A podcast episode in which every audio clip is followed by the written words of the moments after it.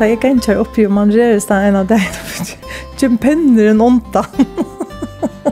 Så det var nok så skrek. Så nå penneren kom noe i etter.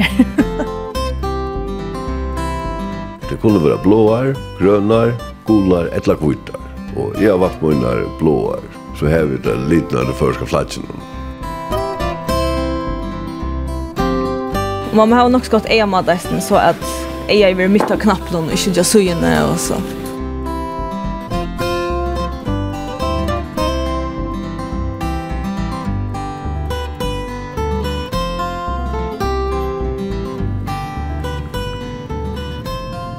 Gåan det, og velkommen vi og Nutsjan Tur.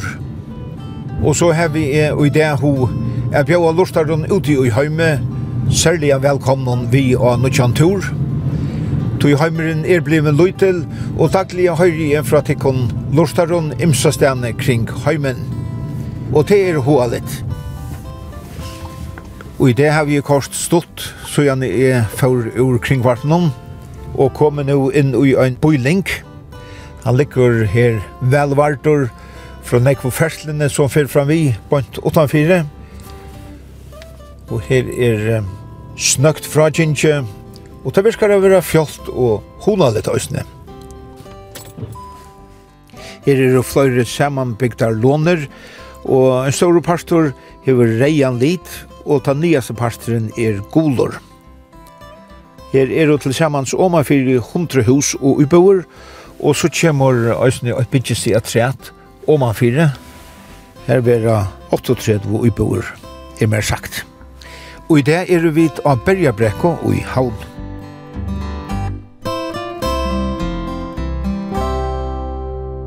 Jakob Thomsen, du har bo her av Bergebrekko, så er det kjent tjej og fors, her i nummer tjej og trusk. Hvordan spør det til at tid bosattes her av Bergebrekko? Ja. Man har skrivet seg opp til, til grunnstykket i havnene, men så kom den her verkatland vid Bergebrekke, og, och var øyelig spennende. Ja, nu slapp det undan at uh, renne etter handverkaren. Nu skulle bare betala, og så boja til det var livet. Og så søkte man om å få et, uh, en uibur oppi, og ja, slapp man så. Så, så det var en god måte å komme av til lenge listan om tann? Ja, det var godt, ja. Ta, ta første funder som burde jeg kjipa fyrre, så ble det noen folk spurt om det kunne være ui en, ui en nevnt og ui en fylgspoltje. Jeg ble spurt og jeg sier ja, selv man ikke visste noe om bytja rui og futsing og sånn, det var helt var øyla spennende. Jeg var så vi alla alla tøyene, og så ble det bjøva ut, og man tog han som var bøljast til, til å bytja det. Så fort det i gang, og det er sett opp av betonkelementen, og man fikk lov at det skulle være fra det begynte i at det ble noen måneder til uh, du skulle flytte inn. Du skulle, du ble en, en uh, noen parter av uh, det bytjelandet flott så slapp du beinleis inn i, i skattakipan av i uh, rentefradrotten som var noe så høyt av. Tannkipan var øyla godt. Men det var seg at det er så nødvendig maler, det er helt slett ikke og Årsøkene kunne være flere. Det var øyelig bytter røy som var ta, og det var ganske ringt å få arbeidsfolk, og høves uh, arbeidstaker. Han hei anna bytter røy eisene som, som drar ut, og tog, tog ble ikke til sett inn av bergebrekket til når tog til tog lager tog igjen enn atla. Og blei dyrare alt sammen. Vel dyrare. Og til å si at jeg sier, når ikke mannen var ferdig, så, så kom bytjerettene på. Og her vil jeg si at her kom til tatt for ikke bansjen være sin tur lea lea i alt. Da kunne se hvordan det gikk. Og skiftet hver stekker du i Øsne, ja?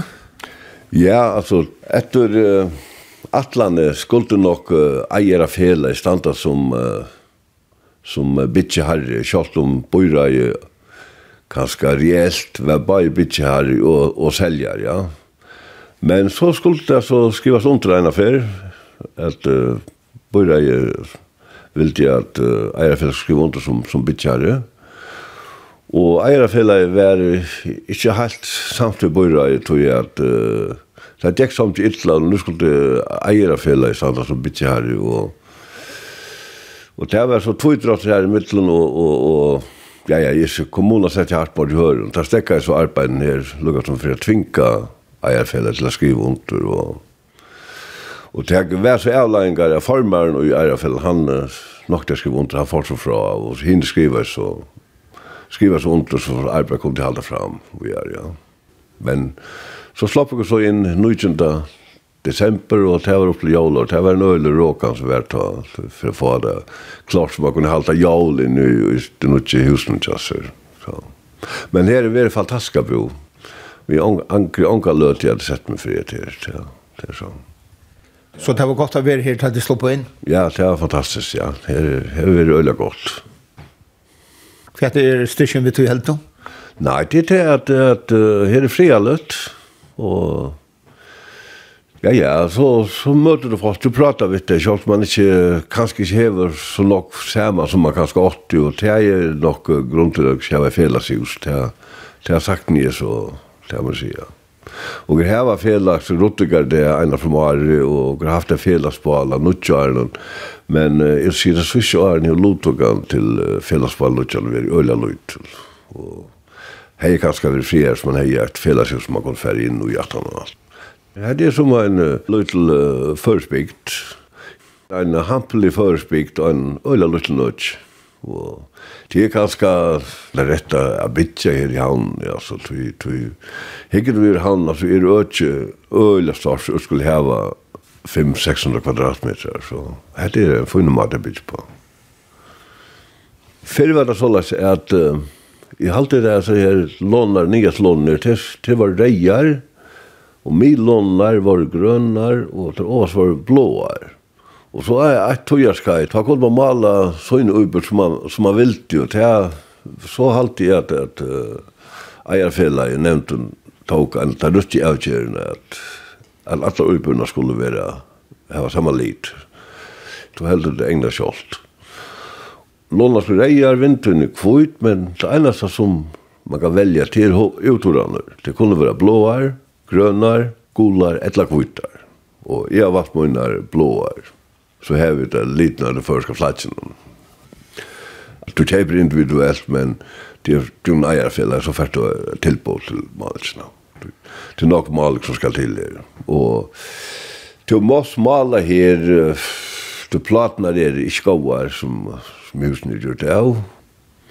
Du må male nesten tre kvartal och så till ver talan om man om man kan släppa att att kläder temper och så men nämnde så att jag ska du göra något så ska du bruka sån plater att du ska fly skifta skifta några och och till något rätt det att ta man börjar fällskapet så så må man behöver att fälla sig som nämnt och säger alltså själv man inte helt samt utan Vet ikke hva det er for plater til Oxelslea, jeg vet ikke. Det hefter ja. Og kanskje at du er det første at du er ikke vil uh, behandle noe vel, det kan være til eisen, ja. Men det er 30 være gammelt. Så det er sånn ikke til, til utskiftning da. Jeg har skiftet noen av vinteren, ja. Nå skal jeg skifte ut vinteren, ja. Og i uh, april måned. Og du har unga bil? Jeg har unga bil, jeg har unga tid for kørekortet, men uh, kortene jeg har haft etter rumlig godt lov, utan kørekortet. Jeg har aldri selv vært at uh, bussleien i havn kom alt, alt for sent. Det er alt for noen biler i havn. Så jeg sitter nere i midtbøynen, og til hundra bilar, så sitter ein personer i H5-bilen, fem av dem nere i bussar, og så er det bare fem etter her, da sitter mer enn ei folk i. Så det er fullkomlig og naivt. Er det noe godt bussamband? Ja. Bussamband vi Bergebrekk er fantastisk. Her køyra bussarna om dagen, trutja fyrir om tøymand, og til trutja bussar du kan bruka. Var jo åman og nia. Så det er ikke trupplag vi har bruka buss. Det skulle kanskje flere gjort. Men han køyrer ikke atla der i Viko? Uh, nei, han køyrer leier der byrjan klokk halden 11, eller per klokk 4, Og sundag kører slett ikke, og det er ganske et, et minus. Men held du busslagen alltid er kort sundag, ikke? Ja, det er kun jo godt, om ikke kort så ofte som, som gjerne sted, det er kun jo godt, det er alltid. Einar for tøymel eller annan går tøymel også, ikke?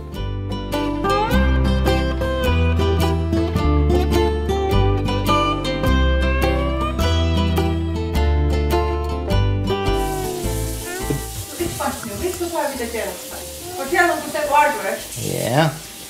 Ranja Rau, hvordan går det du? Fyra. Og når fyller du?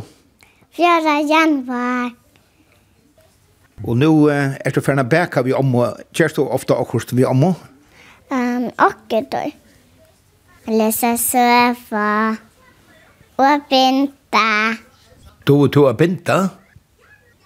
Jeg sender akkurat så binta klær til baby. Og det syklige. Er det stått til det bygge av Bergenbrekka? Ja.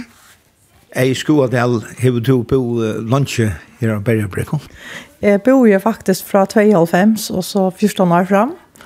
Eh, og valgte til å flyte. Vi helt just nå for lite, bøtten var for stor.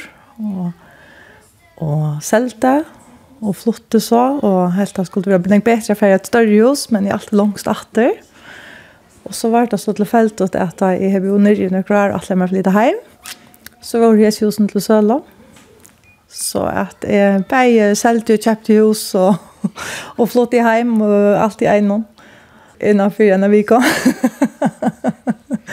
det var ordentlig deilt og det är orla gott över att. Så det har varit tecken om at du har trivs her? Ja, trivs då vel. där. Det är deiligt bygge bygga, det är frialet.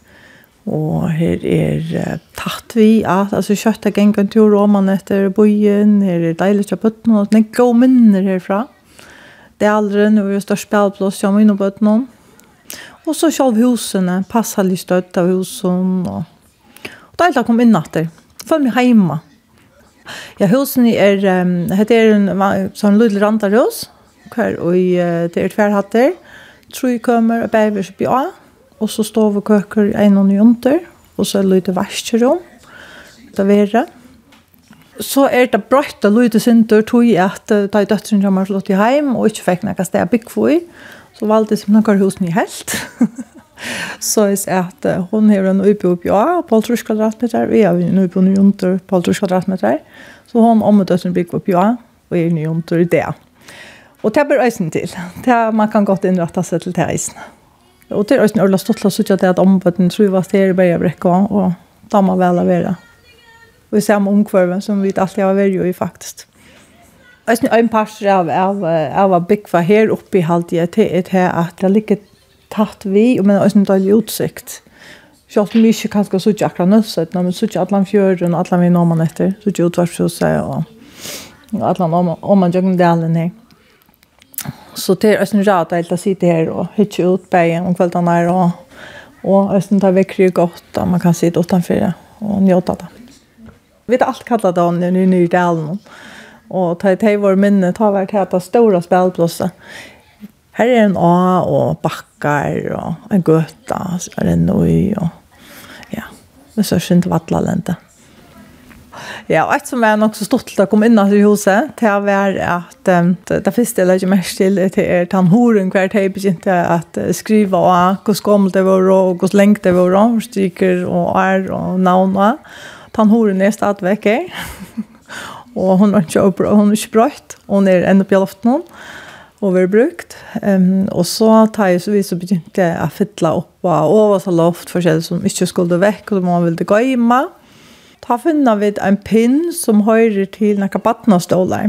Som, har sagt, som vi har sagt nå i ødløs i årene, over en pinne mangler i snir og en av stålen. Ta jeg kan kjøre oppi, og man rører seg en av deg, kjem pinner en onta. så det var nok så skrek så nå pinneren kom nå i etter. så du følte det hjemme at du en av veien? Ja, jeg halte han litt boi etter åkken alltid. Jeg ting som jeg nevnt vi flände efter det till er at horen inn i väsen hon hon är sen det blått tatt att det balt och allt såna går vatten inn i nya bänt och att det var bär så allt dutchvått så horen här på en hon startvecka sen oppløst.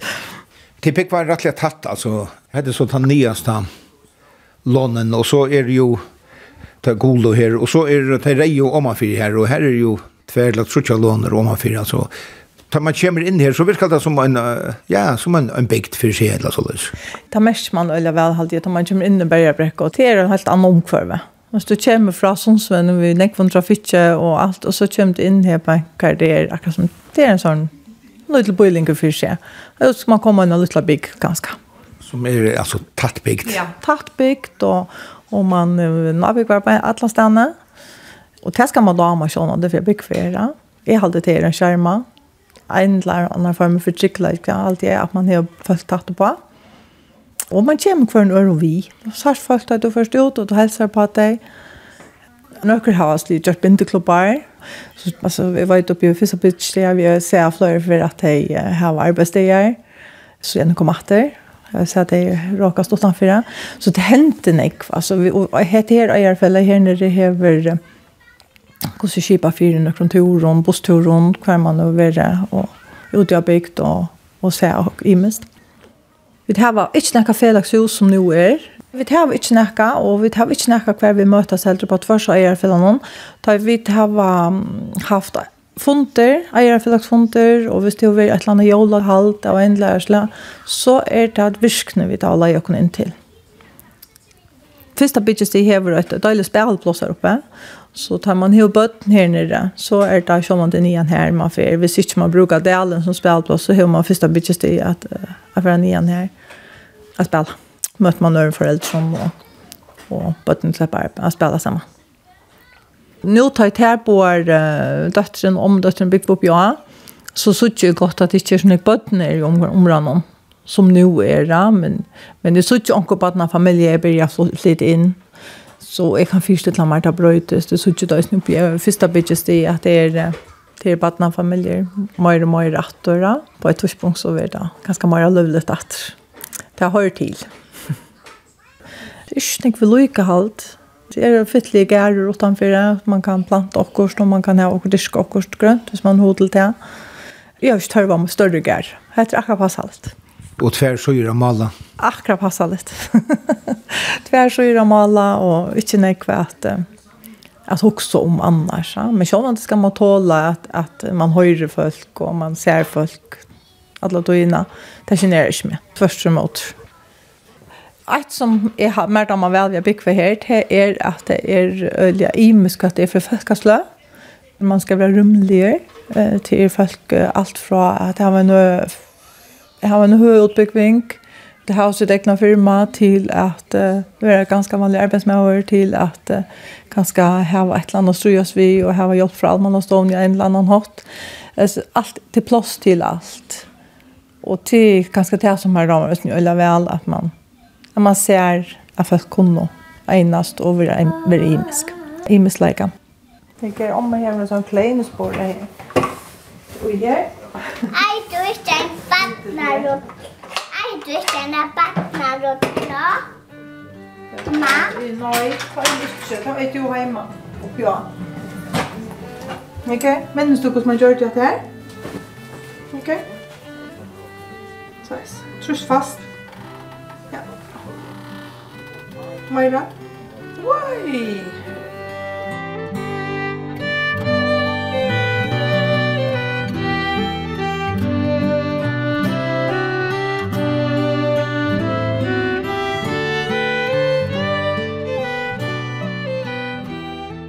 verkstavren tja Nils L. Arke av Kongabrunne er her oppe av Bergabrekko. God dag. God dag. Styr fullt av folk. God det? Jeg tror det er for jeg sånn en ansamhandla mann som satt i en kroke. God dag. Han skulle bare ikke framme her. Jeg forstand. Du er så praktisk. Ja. her finn Seløy, her er du uh, husast sammen med Ørn Falkon i nokre år. Ja, jeg flott nian her i 92, og så kom verstein nian her 17, det kom i 2008, da det er selte bygningen i Kongabrunnen, ja. Så, ja, ja, så flott verstein nian her, og da var vi bare två år, og jeg arbeidet her. Og der er vi så seks, så arbeidet. Ja, det er nekk bra, ikke? jeg fikk for klær i fyrra parten i 28 åren. Da var det ikke nek som 8 år, men, men er det det som skapte sånn ekvar arbeid, ikke sant? Ja, ja. Da hadde vi det et eisne etter reparasjon av klokken og forskjellige døgn. Men uh, nu er det nesten bare silver som vi arbeider vi, og det er til alt til førska bonene. Så, så her har vi flere minster, og, og det er alt kjøpt uh, plater, som plater, som vi så görsle broscher och knappar och mallar och allt det här. Och ja, ja, vi köper cirka 20 kilo av silverplatum för månad. Och det är så här plattor? Ja, det är ju så till bottnarna till 0,4 mm och så till överparten av knappen till så 0,5 plattan och det är allt klippt till sådana lilla fyrakantar som är 30 gånger 30 mm. Och så kör man då i ena pressa här. Och det vill pressa upp till 18 tons som så präkar minst det i knappen. Va? Så blir det klippt i hästar här maskiner. Och så blir det fyla. Och så blir det attor uh, låta en bottner och punter knappen. Ja, ja, og så var det atter kort i en syre for jeg renset at man har lata bottner. Tore Hansen, dette ser så spennende ut. Hva gjør du? Jeg låter knapper. Hva er eier av knapper? Knapper til uh, førklæder? Ja. Å, oh, ja. Altså, jeg tror ikke det er mega høyter. Man høyter en. Ja. Så hette vi gjørst vi hånd.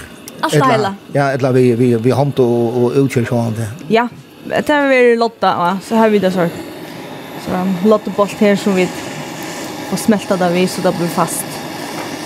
Ein og ein knapp? Ein og ein knapp. Alt er just stempel kvann kvann knapp vi hånd og ein og lotta ja vi hånd og bottnar og lotta ja hånd, alt vi hånd. Ein og ein. Kan ikke av? Nei, det er faktisk ikke nek som vi delte. jo jo, det er håndverk. Og knappene har jo inte minstor, imisk minstor lukka som hinn tingsin, ja. Trotsi knappar, vesta knappar og kværa knapparna har alltid som minstrene. Men uh, vi tar två imisk minster. Några flata knappar och så har vi det här vanliga knapparna som de flesta känner. Du ska hoshavna det alla tøyna? Alla tøyna. Och man har nog skott eja madasten så att eja i mitt av knapparna och inte just suyna och så. Så det är konstruktion, Sinter Torres lite tøyer, men annars är fint alltså. Så tals jag knappen har vi en, en platta altså? Ja, ja. Allt är... Ett en part av platene? Det har klippt i en sax i rivra. Jeg har klippt det altså. Vi, vi fyra kanter som så var pressa i til knapparna där. Og bottnarna var reisende klippt i sina sax nu. Så var det lått av. Det er tre folk som gjør det här bortstre av bare arbeid vi å gjøre knapper. Vi gjør 3000 knapper om året. Det tekker en halvann det er å gjøre en knapp, men så vi gjør en rikvis henne. Men uh, jeg tror det skal klippast og pressast og lottast, og så var det polera i en sån här trumlov som kör i stappvattnet vid stalkunnen nu. Och det ska skal i sex timmar. Så det är en dag vi lever, så har man en rikva knapp så. Så allt är handkört alltså? Ja, ja. Det är allt köpt in i platon och så vart det format till. Här vart det så till döms brusher så det här blir strika upp en maskin och så vart det två som sitter och säger ut att hållen som skulle vara i en här brush. Här är det till döms ta minsta som heter uh, Taura. Det har 20 hål i brushen. Så allt det hålen vill säga ut i hånd det visste ikke jeg at det var så at det gav sånn jeg var på og at det var virkelig han håndkjørst. Alt det som gjør at det er på bøylegging. Akkurat nå er et års bøytøy. Det ene som man kan nesten fære direkte om å kjøpe til knappene. Så, så det her var ditt nye fire? Ja, ja, knappar til det her var fast alla. Men på en av det kommer till broscher och maller og forskjellsår, så er det leveringstøy. Og i løtten er det åtte år? Til åtte år nå, ja. Du kommer inn, og vi har til døms er og halte er tutsi og imsk til konfolk, minster. De har konfolkene og de fleste av dem. Det eldste er vursking, så, og det er åtte taura, fuja, hildur, var, Birgit, Sanja, Ja, ja, og alt skulle hava imska matar a vera gjørt på. Så hette er um, føresk framløslan borser av. Det er da, det er alt gjørst vi hånd og pressa og seie ut og gravera vi hånd og lotta og så vera slup og polera. Det teker alt lenga til å gjøre, så jeg gjør det. Så det er ikke elmaskinen til du bruker? Det er håndkraft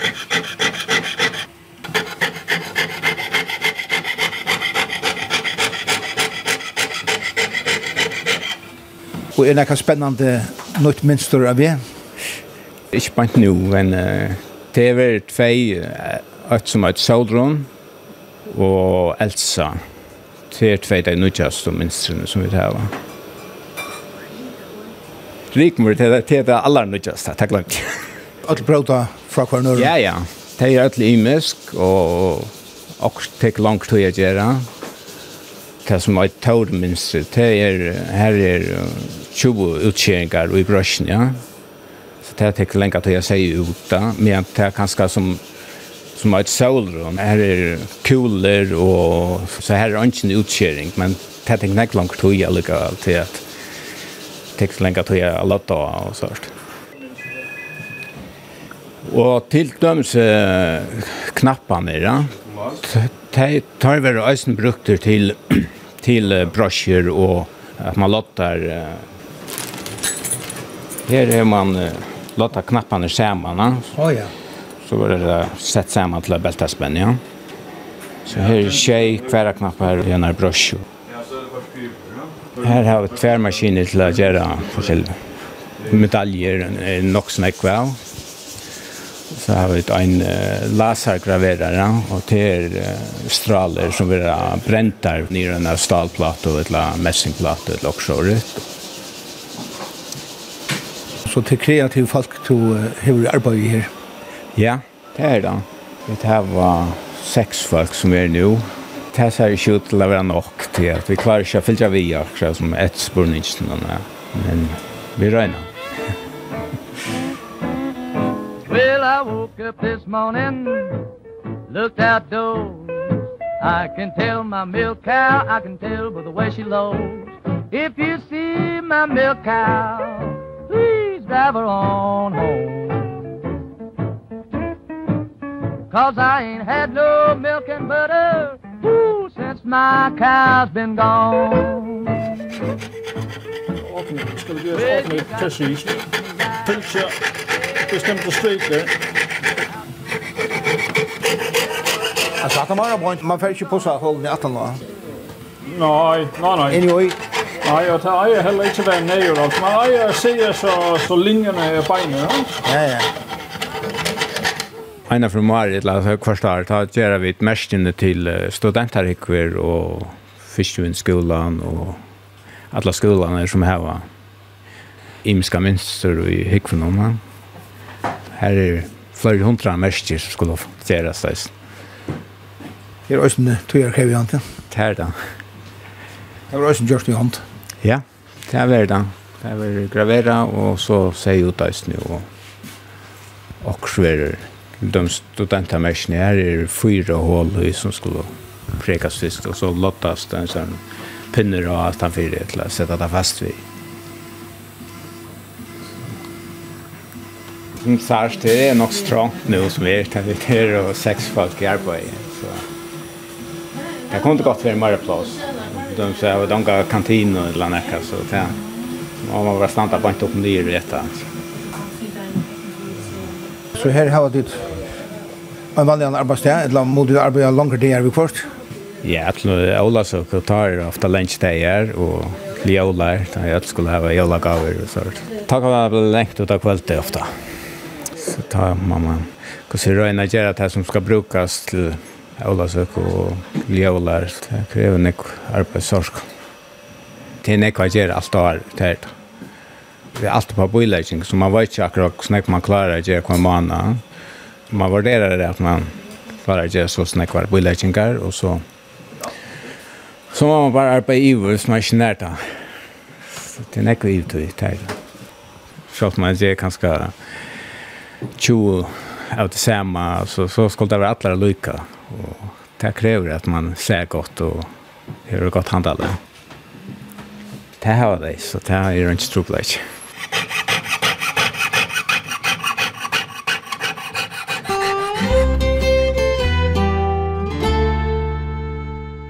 Ja, vi har hørt gramle om at um, Bøylingshuset er et felagshus som uh, Atlanen var av første tog å gjøre her av Berja Brekko. Uh, nå er det fire røyka. Ja. Hei, hei. Her er Hans Antor Johannesen. En av dem som har bo her av Berja Brekko i mange år. Hvordan mange år har du bo her, Hans Antor?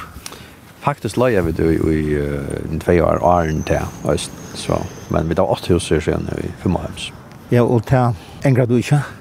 Nei, det er virkelig deilig, særlig i botten bøttene våre små. Øyla bøttene mine litt, nok så tatt på byen, og lukkevel pura så altså botten bøttene sånn.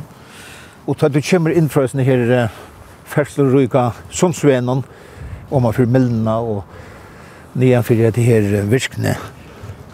Så, så er det akkurat som du kommer inn i en annan heim her, med alle her husarøyene her. Ja, ja och faktiskt var det så snarare att ta i drönsen var var smajer alltså tar spalt jag bara bräcka pura frukt och Atlant så var det en ett okännligt marsk om man kan se det så. Där får öle skoltan är stände. Då hälsar till till att det här bygdalä som börjar bräcka nu ena för er. Två meter det som et, som ett bygdalä nu er så ju shower. øyre med vår. Det kan man gott säga alltså börjar bräcka är faktiskt en en rymlig bygd. Det bygg var man mycket en en 300 folk och sånt. Det er øyla tatt og hundar litt, og, og, og da er det videre trivst øyla vel. Tid her var en sånn hita mistø her, som alt få hitan fra, da, da man kommer inn til Bergabrekko. Onkel har sagt for meg at tid arbeider vi at uh, få til fedlagshuset som opprunalige hver atlan skulle være her. Ja, det kommer sin opp uh, nå i samband med uh, tre byggstid, Bergabrekka 3, som bostad er, er i gang til vi. Så vart har kunna i och om Täby Jatland och en elfonte. Så kom det synte prata om det här att det här är väldigt gott vi en fällaxhus. Är boilingar runt och boilen här var ju så här boilingshusen så är ja. Och i upprunna projekten till Bergbräcka här var fällaxhus vi forskjelligen målagon mellan maskaroi och är fasaliteter så är. Men jag var en lärare och i bytje periodene så ble det droppa, sikkert spart borster, bergebrekka vi jo som som mänkande förjon uh, en eller annan bygge att det blev näck för dorst och det är för sant och så vidare. Men eh, grundstycket har alltid varit takt till det. Det är jo en liten grund runt om et ökje. Ja, ja, det skulle vara här. Det är til økje faktiskt. Det är faktiskt så, så lite sånne mini-mystegar økje fire bergebrekka. Vi är gröna och planta av trøven och så vidare. Mm Så for noen år siden, jeg vet ikke, den 12-15 år siden, så ble en rundgjørt at byrje på det her fellekshøset av en sånn um, kjølbåten noen um, grunnleie, men som så ofta vi som kjølbåten noen til, har vel ikke til at dette er fire tar jeg en tog fra alle, og det gjør det hette så høyest. Tid arbeider virkelig, vet du? Ja, ja, det arbeider virkelig, vet du. Det skal jeg gjøre alle ser vidtjørene og så videre, så videre, så det er tekstene tog. Og i bunnen er jo forholdsluttler atler, og slett ikke til det her var konvensjoner og annars sort og, som så. Og, og her har vi haft altså i, i, i, i flere år at um, vi der slått ned at um, leie virkene, som er bare til søgne av her. Vi har haft veldig godt samstår vi, vi virkene og, og allmannørs og alle årene. Men her er det så, så snart nå at, at uh, virksomhetshøymen er økt sånn, så her er det her så veldig lite plass, og uh, jeg er faktisk droppet at, at leie det ut og så måte. Og så kom det upp där vi tar så vi virkning om om i minst att att hej Målvis att hade torv och mer plats. Och så låg som begynt vi att lägga tingen samman och och så var möjligt för att Jenna kur Felix tänk för fly flow vi vi en smäck och och vi där sammanhang vi kom undan om kvar vi kvar vi kunde göra så mat. Eh här var någon sjön det postes var om inte skulle längre tid. Men hvordan stor en tøytning hever fyrir fire en bøyling som uh, tykker at uh, her var et uh, bøylingshus eller et fellagshus? Nu nevnte vi det an i at, at Bergebrekka er en, ja, en hamplig bygd, en, en, en 300 folk, og en bygd, og på 300 folk det er, hun hever nesten bare skola og fotbollsvøll og, og så videre. Så her er øyne nekk for uh, fasiliteter som vi hadde yngst av Men uh, jeg tror vi hvis vi vet at det finnes jo fellagshus uh, på stedet i Ångsvekna, så heter vi uh, til uh, Mikla frøy i kjøtlen og byggen. Så alt det der øker rundt om her, sånn middelen, sånn svein og middelkantesvein, her er jo Berrebrekka, som er en 300 høsk, og så kommer det nødja Berrebrekka 3, uh, her er og 38 i bur alt, ja. Så Blomrekka, jeg vet ikke hvordan jeg bygger her. Så til sammen så er det faktisk uh, nok så tatt med folk og ikke. Så det er absolutt å være grunnlag for uh, fyrir fyrir Felixus, uh, til gags for, for alle vi her. Altså. Av Berjabrekko er jo tvei byggestid som er, men nu er så grivi ut for tre byggestid som er bant oma omanfyrre verande Berjabrekko. Og det er jo bosteier som uh, skulle bygge 38 løyo i boer her. Boi Jakobsen, du er teknisk løyere til bostøven. Dette ser spennende ut. Hvordan spør det til at uh, bosteier for at bygge løyo i boer her av Berjabrekko? øki her ble lagt ut til leibosteier om, om uh, alderskiftet 2000. Tandverskatlan, hon datt ni fire, tog man rente seg inn i at leibosteier, det var simpelthen for dorsta bytja, tror Og bosteier, som er uh, husholdlandskroneren, fær så heimeldur i 2012 til å bygge leibosteier. Og man teker så faktisk og vetjer hese gamle verskatlanda fra 2000. Og nu har vi det disse MVG-frutøkene som gjør at husholdleiner som var for høyvartående, Det vantar vi att vi klarar att halda oss innanför vi, att vi tar en vecka frutug. Ja? Och det har var som bygger leibus, det är bäta privata och, och hur man så är. Ja? Hur kan du kjøre øyere i boer? Det är hvis man teker bostadspolitik landsens, så, så har man et størst innskje om att, att uh, fjelltotta ta førska bostadsminister. Det är uh, gammalt att säga føtter under Eibor, och, og det er alltid en fors, minst fors prosent, ganske mer av ötlen bostaden förrjun, och det privata privatåkna. Husar minstre brøytist, altså det er noen generasjoner som har vært utenlanda, er vågne å bygge til leie, og det er hoggboren at man skal eie sitt egna. Han, han er ikke lukket sterkere i det som han var for kanskje for 20 år siden. Så, så bostad er blir så til amboi, hvis man sier det. Det politiska instrumentet til at uh, man ikke er fjelltatt av bostadmarsjonen, og det er så vi leie bostad. Og det er det som er akkurat primære enda mål. Hette er så, om man fyrir verand til Bergerbrekko og, og Sindre Hakri og sånne, Hetta ser seg spennande ut i lenten om her. Ja, altså det som vi får gjøre her, det er, vi kører hester her oppe i, kan man si, Trøybitsti, Eisne. Vi, vi tar kjøpt fra um, Sinnsbeda, er ikke, og sammen med allmanna versjonen. Her har vi så avtala at bostager stender fire er bytja 12 varda bostager inni i øysen her, og vi bytja 16 luttlar, og vi bor til den vanlige bylisten, kan man si. Og vi bytja tutsi og iboer til, kan man säga, familjer. Eisen, altså, som, som leibos der, så vil jeg testa større, igjen. Og, og, og enda mal er at vi skulle bytja luttla røyboer, middelstorre røyboer, og heva nekka stora røyboer. Så så första vi för gongt vi til att bytja tutje familie och boer. Överst stitchen där som vi standa nu och hitja. och det er alt man fyrir en hantlig utsikt om man kommer upp i hatt och för att sitta upp om eh kan vi kalla för bergbäcke efter. Så Så vi er øyla spenter på verskattlanden. Bøye, hvor ble det 38 og iboer her i tre byggesteget og ikke trusk som opprunal i Atlan? Det har vi valgt å gjøre for at, at uh, det skal være mer, kan man si, frukt rundt om. Altså, hvis man hikker etter bærebrekk 1 og 2 og blomobrekket, så er ikke grønt øke i overhøver. Hvis man tåsar om, ofte bruker arkitekter til som heter hjertet, altså vagl, eller minivagl kan man kalla, det, Så det som vi røyna til er å få innbyggt av lyd grønt og øtje inn ui her det kan standa kan man si en fast grill og her kan være omkring benker og, og det, det, det, det kreves utblåse så, så endamålet er at, at Bergebrekka Troi, som bostad den fire skal tiltrekke grannene inn. Her skal være godt å være og her er så fellagshus en parster av Trøy Annars kan leggja seg til at det er arkitekt han er Albert Isfeldt og Gudmund Hansen som uh, tekna og verande Bergenbrekka 8 og 2 og at det er uh, Palle Gregoriusen som hever ter striken her til uh, Bergenbrekka 3 her som vi nå standa og som uh, byggefellet i Poler så hever til det.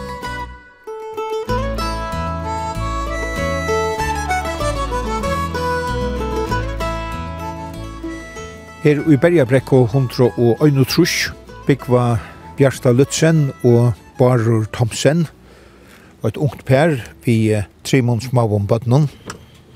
Og det som er sinde særligt er at Barur er Anna Atterli her, han er sjálfur oppvaksen i hesne husen og nu byggva det så her.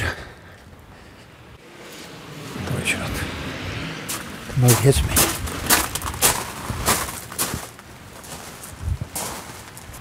Helt til å være sin skøyver av her.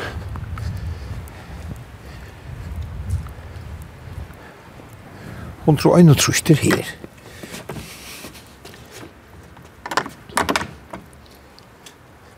Barur og Bjarta og Petra og Ragnar og Linda.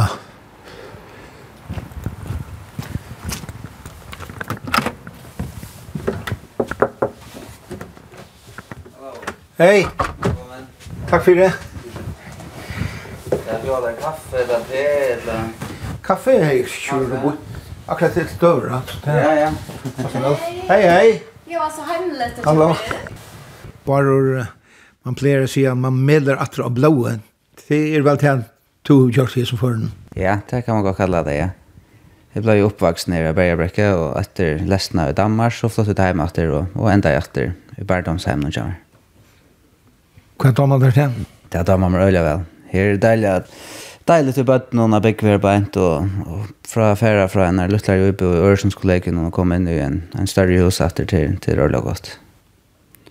Trim og bøtten og ja, da er det godt i sin plass. Bjartan, til Øysen store måneder for det? Ja, absolutt. Det er alltid godt å komme til førre. Nå har vi ikke samme kan si man tilknyttet til bergebrekket som bare hever, men bare at jeg kommer hjem til førjer og har en dag tryggleggene vi Nu er jeg så gärna ikke bøten, og två bøten som sover i våkne og så har forskjellig, så det er en trygglegg vi har kunnet stilla våknen og dom, og at ånden fer vi og noen, og et at onker annar høyre det, hvis jeg ikke høyre det, så kommer det inn og benker på og sier, sier fra, som man sier. Ja nu bor vi där Örsundskollegien och här var inte bara bara att stilla vaknen de Eisen bara til at her var eh, familie rundt om, at, at jeg og bare kunne kanskje gjøre og skjema nå som, som tjon, at ikke alltid bjøst å være ein og ein. Nå kom vi bäi i tvei, bare sånne lydel ting som man får kjøpe inn, at vi tar bäi i tvei hva vi hukser, hva vi atler gjøre til nåttra, eller hva vi eier inne og sånt. Nå kunne vi fære begge tvei av sted, og ikke alltid bare ein som tekster av ødlom igjen hindre hjemme i bøtten. Og bare til å få hjelp, um, en sånn morgen her man kan, kanskje skal til arbeid. Nå arbeider jeg som frisør, og det er ikke sånn i mye det jeg leier det, og sånn og sånn det er, da det kan få formatte og sånt. Her hadde vi så vært selv og ikke noen bein. Nå har vi et akkurat bakland av fettla, atro, som man sier. Omnar og abaner blå østen brukt. Ås, ja, og i den grad, her er godverd der. Petra til okken, hun er den eldste, hun er fem år. Hun er vidtjer om sin kvørst vikskift. Her er avtale kvørst frutja kvöld, så jeg vet faktisk flott hjem for en år siden. Jeg tid bare hukka dykk om frutja det helst, ja, Petra? Ja. Hva gjør du og Amandun sammen? Jeg tar bom. Er det bom? Og hva er det andre gjør det? Det er alltid utgjengte. Ja. Så du å hjelpe om jeg gjør Jack hva? det? Jack. Spør Jack. Yes. Og vaska epler. Hæ? Og gjør omma når kan du vunne i Jack noen? Nei. Du tatt du jo ja? Aha.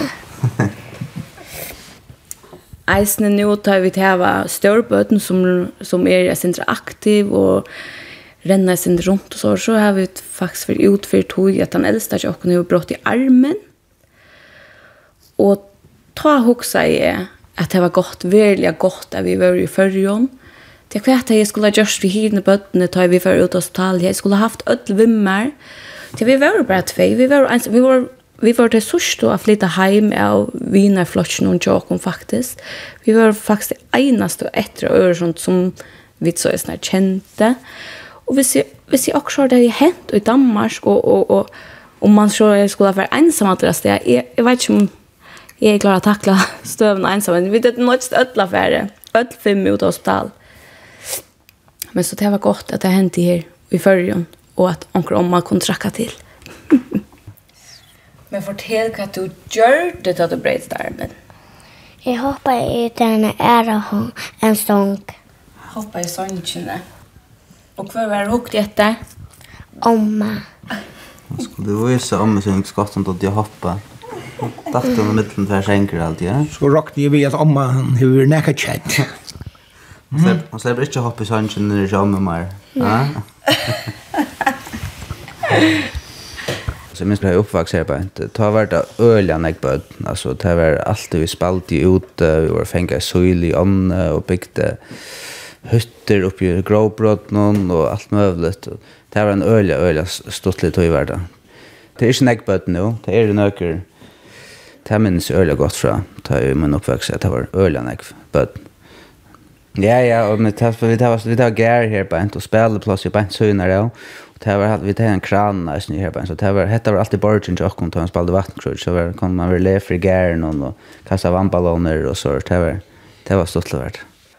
Tøyda, er jo fram på det, altså det sier man at de som er her ståast vel, så har man vel godt å bygge Ja, her, her, her er faktisk virkelig deilt, og kom damer det øyla vel till man man känner sig alltså för för äldre och tja tja tja barndomskamraten så som big för en och ta möter man ofta bötterna tja tajmon som är i vid vikskiften och möts kanske efter man spelplatsen och då tar man ut vid bötterna. Nu är vi nog så centralt, det börjar bygga nog så centralt att att vi det var två havar som vi kom för ut till och ta en i haven om man för huset här här kan man öppna porster direkt ut av spelblåsen Så det setter vi ett öliga stora prøys på nu att vi det var i lite böt att det kunde färra själv i Det er lett å gjøre en gummistuv var en hick og så er det färren. Ikke på samma sätt som vi det har uppleva før, och vart har vi det hött i Danmark. Så nå passer det sig, seg själva faktisk, och så kommer det inn til det er kølt och svänk. Men det er att det är frie banor och det är og, och, och nya. Det är øyelig viktig för jag. Hva er det spilleplassen? Radger. Og en rusjebane. Er du ofte av honom? Mhm. Mm og her ivrig vi hittar med støyne her, var eisen i okkur som spela vi? I kitter til en trampolin, passar det? Ja. Kjempe trampolin. Og eisen i her vi at vi er rævlig takknemlige for trafikken som er i vei av rekkom om at det ikke köra bilar och det kører ikke kött där som är det tar en stack av bilarna som är och till att det är rörliga värden ikke etter bøtt någon sort. Så det har sett av ett större prus på. Vi har var gott nog ett skolaheim som är i Ivre, men det har vi öliga löjde till. Det här är snöliga näkka kanske näkka var minni i bora. Alltså, hvis det badna familjer tar färde det kanske ett hem som är sin större. Att det där minne så är det kanske passar det bättre till till äldre folk kanske också att du att så hörde så så en stor hus när vi lycka allt och allt så där det passar det ganska bättre att det är ja att de har klute lite fitt att ta sig ja Og går så vi till kon bara alla det att vara bekvant i her? Nei, Nu er det så, jeg vet, det var faktisk akkurat fyrra dagen halvdelen hva det var, da funnet vi ut, funnet vi ut, vi funnet til, og det er grunnstyrs oppi Klinkridge 2, og det er ikke Så det här är det här nästa projektet jag kan nu. Det här är grundsys vi klart stanna för i august.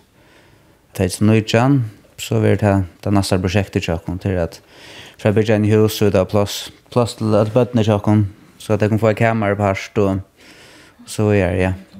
Så här är det så trångt?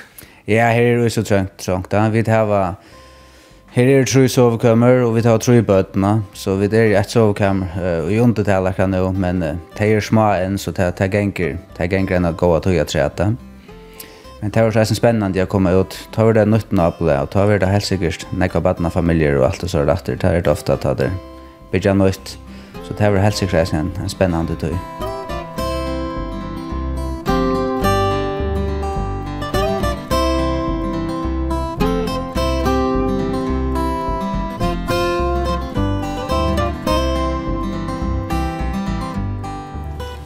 Hetta var uh, berjabrekka, ein frialigur bøylingur i havn. Hesen turer er atter at høyra i utvarpnum torsdag klokkan 11 og leierdag klokkan 4. Og det blir òsne til at ferina heimasugina kja noen skriva kvf.fo framskak tt. Og så blir òsne til at uh, høyra sendingina som podcast, etla av iTunes, Og vi tar det tur i og østene enn sujo av Facebook. Takk for i dag. Vi tar oss atter om en vikong.